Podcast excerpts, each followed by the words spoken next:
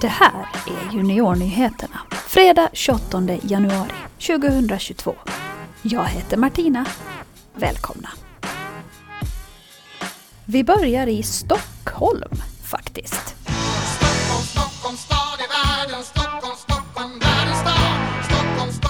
För i måndags gick ju den årliga Guldbaggegalan av stapeln där.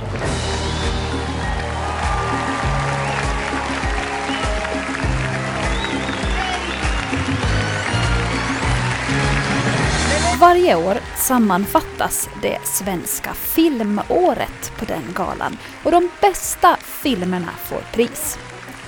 Ålänningen Erik Enge är en känd skådespelare och i år var han nominerad för bästa manliga huvudroll i en film som heter Tigrar. Så här sa Erik Enge innan galan började.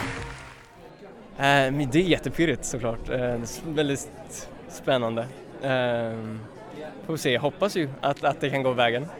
Så får vi se vad som händer. Du går ju på röda mattan och det är inte många ålänningar som har gjort det. Eh, vad, vad tänker du om det? Eh, ja, jag har inte tänkt på det egentligen så mycket. Ehm, nej, det, är- det är ju fantastiskt att få ha blivit nominerad och att få bli så uppmärksammad. Ehm, så att jag är bara glad. Visst. Erik Enge för rollen som Martin Bengtsson i Tigrar.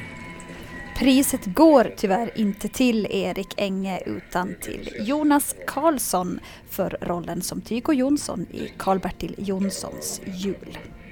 Så här säger Erik Enge efter att det stod klart. Alltså det är, det är som det är. Jag menar, som jag sa innan, Jonas är en fantastisk skådespelare. Det är ju all heder till honom liksom. Eh, sen är det ju tråkigt att vi inte lyckades knipa en enda. Ehm, men också i med tanke på att vi har ändå gått så bra fram till nu liksom. Ehm, men vi har vunnit, ja men vi börjar med Draken och ehm, ja men bara så, Oscarskandidat och Gretapriset nu senast och Nordiska rådet, alltihopa. Men eh, vi får vara tacksamma för, för det vi har fått. Och eh, jag menar, det är alltid kul att vara här och få ändå uppmärksammas i de här sammanhangen är fantastiskt. Så att... Eh, Erik jag inte, men jag är inte bitter. Det är jag inte. Nej. Visst. Det kommer fler chanser. Vad, vad håller framtiden för dig nu? Men nu, nästa är, åker vi ner till Göteborg på, på premiären av, av Svartkrabba. Eh, så det är det nästa och sen så har jag lite grejer på gång eh, men inget som jag kan prata om nu.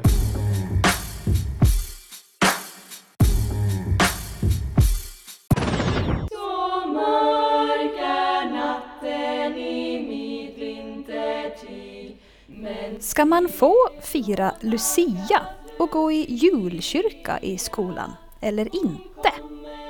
Det snackade lagtinget, eh, politikerna som bestämmer på Åland, om i tisdags.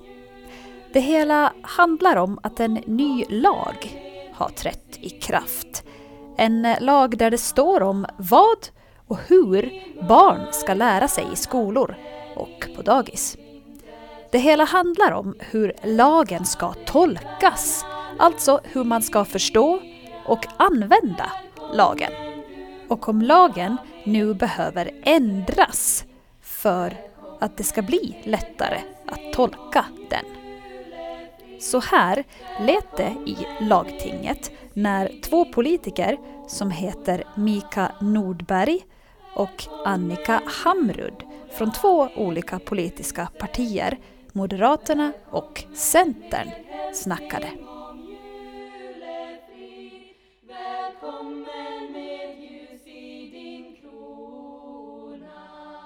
Kultur och historia är en av grundpelarna för den åländska självstyrelsens existens.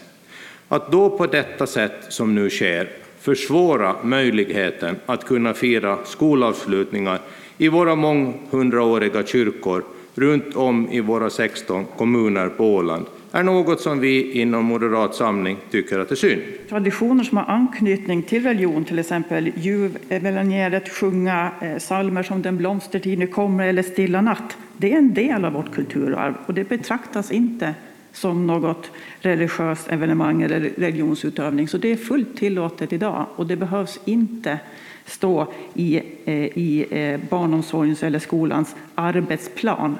Det där sa Annika Hamrud. Hon är också utbildnings och kulturminister. Alltså högst ansvarig. Nu ska något som heter lag och kulturutskottet som jobbar med sådana här frågor titta på det här. Den här veckan så har ju också högstadieeleverna fått närundervisning. De har alltså varit på plats igen i skolan. Från och med vecka 6, alltså den veckan som börjar med 7 februari, så kan det bli så att fler coronaregler tas bort. Till exempel eh, kan det bli så att restaurangerna får ha öppet lite längre än vad de får ha nu. Och så kan man få vara 50 personer på grejer som heter lågriskevenemang. Alltså där risken för att smittas av covid-19 är låg. Och 20 personer på högriskevenemang. Alltså där risken är större då att smittas. Så att så här kan det bli om inte coronaläget nu blir värre. Mera nyheter från veckan. En arbetsgrupp har tittat på att öppna en ungdomsmottagning här på Åland. Eh, ett ställe där man ska kunna prata om allting som ungdomar känner att man behöver prata om. Det har funderats om den här mottagningen skulle vara digital, alltså finnas som till exempel en chatt. Nu har man kommit fram till att om mottagningen ska finnas i digital form så måste den baseras på en mottagning som finns fysiskt. Alltså ett ställe som man kan gå till, sitta ner och där prata med någon. Flera saker ska nu redas ut med det här. Eh, bland annat hur den här mottagningen ska drivas och av vem. Vi avslutar veckans juniornyheter med lite kultur och barns rätt till kultur. Ett projekt som heter Kreativa Kids, som nu snart är slut, har nämligen i en rapport konstaterat att Åland just nu inte har så mycket inom kultur och konst för barn. Vi ska höra på en person som heter Anita Husell Karlström hon är ordförande för en grupp som heter Kulturdelegationen som jobbar med de här frågorna. Vi har resonerat att barns rätt till, till kultur behöver, behöver förverkligas på flera olika sätt än som idag. Och eh, vi vill då se på den här frågan i ett bredare perspektiv utgående från rapporten. Och då har vi tänkt oss det att vi ska kunna bjuda in både kulturarbetare och konstnärer och representanter från kommunerna för att diskutera de erfarenheter som också skolorna har utgående från de deltagande skolornas eh, kommentarer. Vi har inte gjort någon uppföljning där ännu. Och eh, det är ju också så att eh, de kulturarbetare som finns, de behöver också få ett, ett mera vad ska vi säga, formaliserat sätt att kunna närma sig och hitta möjligheter att skapa kultur för barn och unga och arenor för det.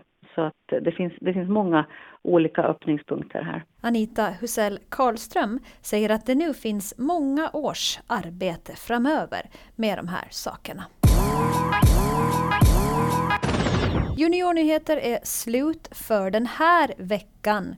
Ni har hört mig, Martina, i studion. Vi är tillbaka igen nästa fredag. Lyssna på oss då. Bye.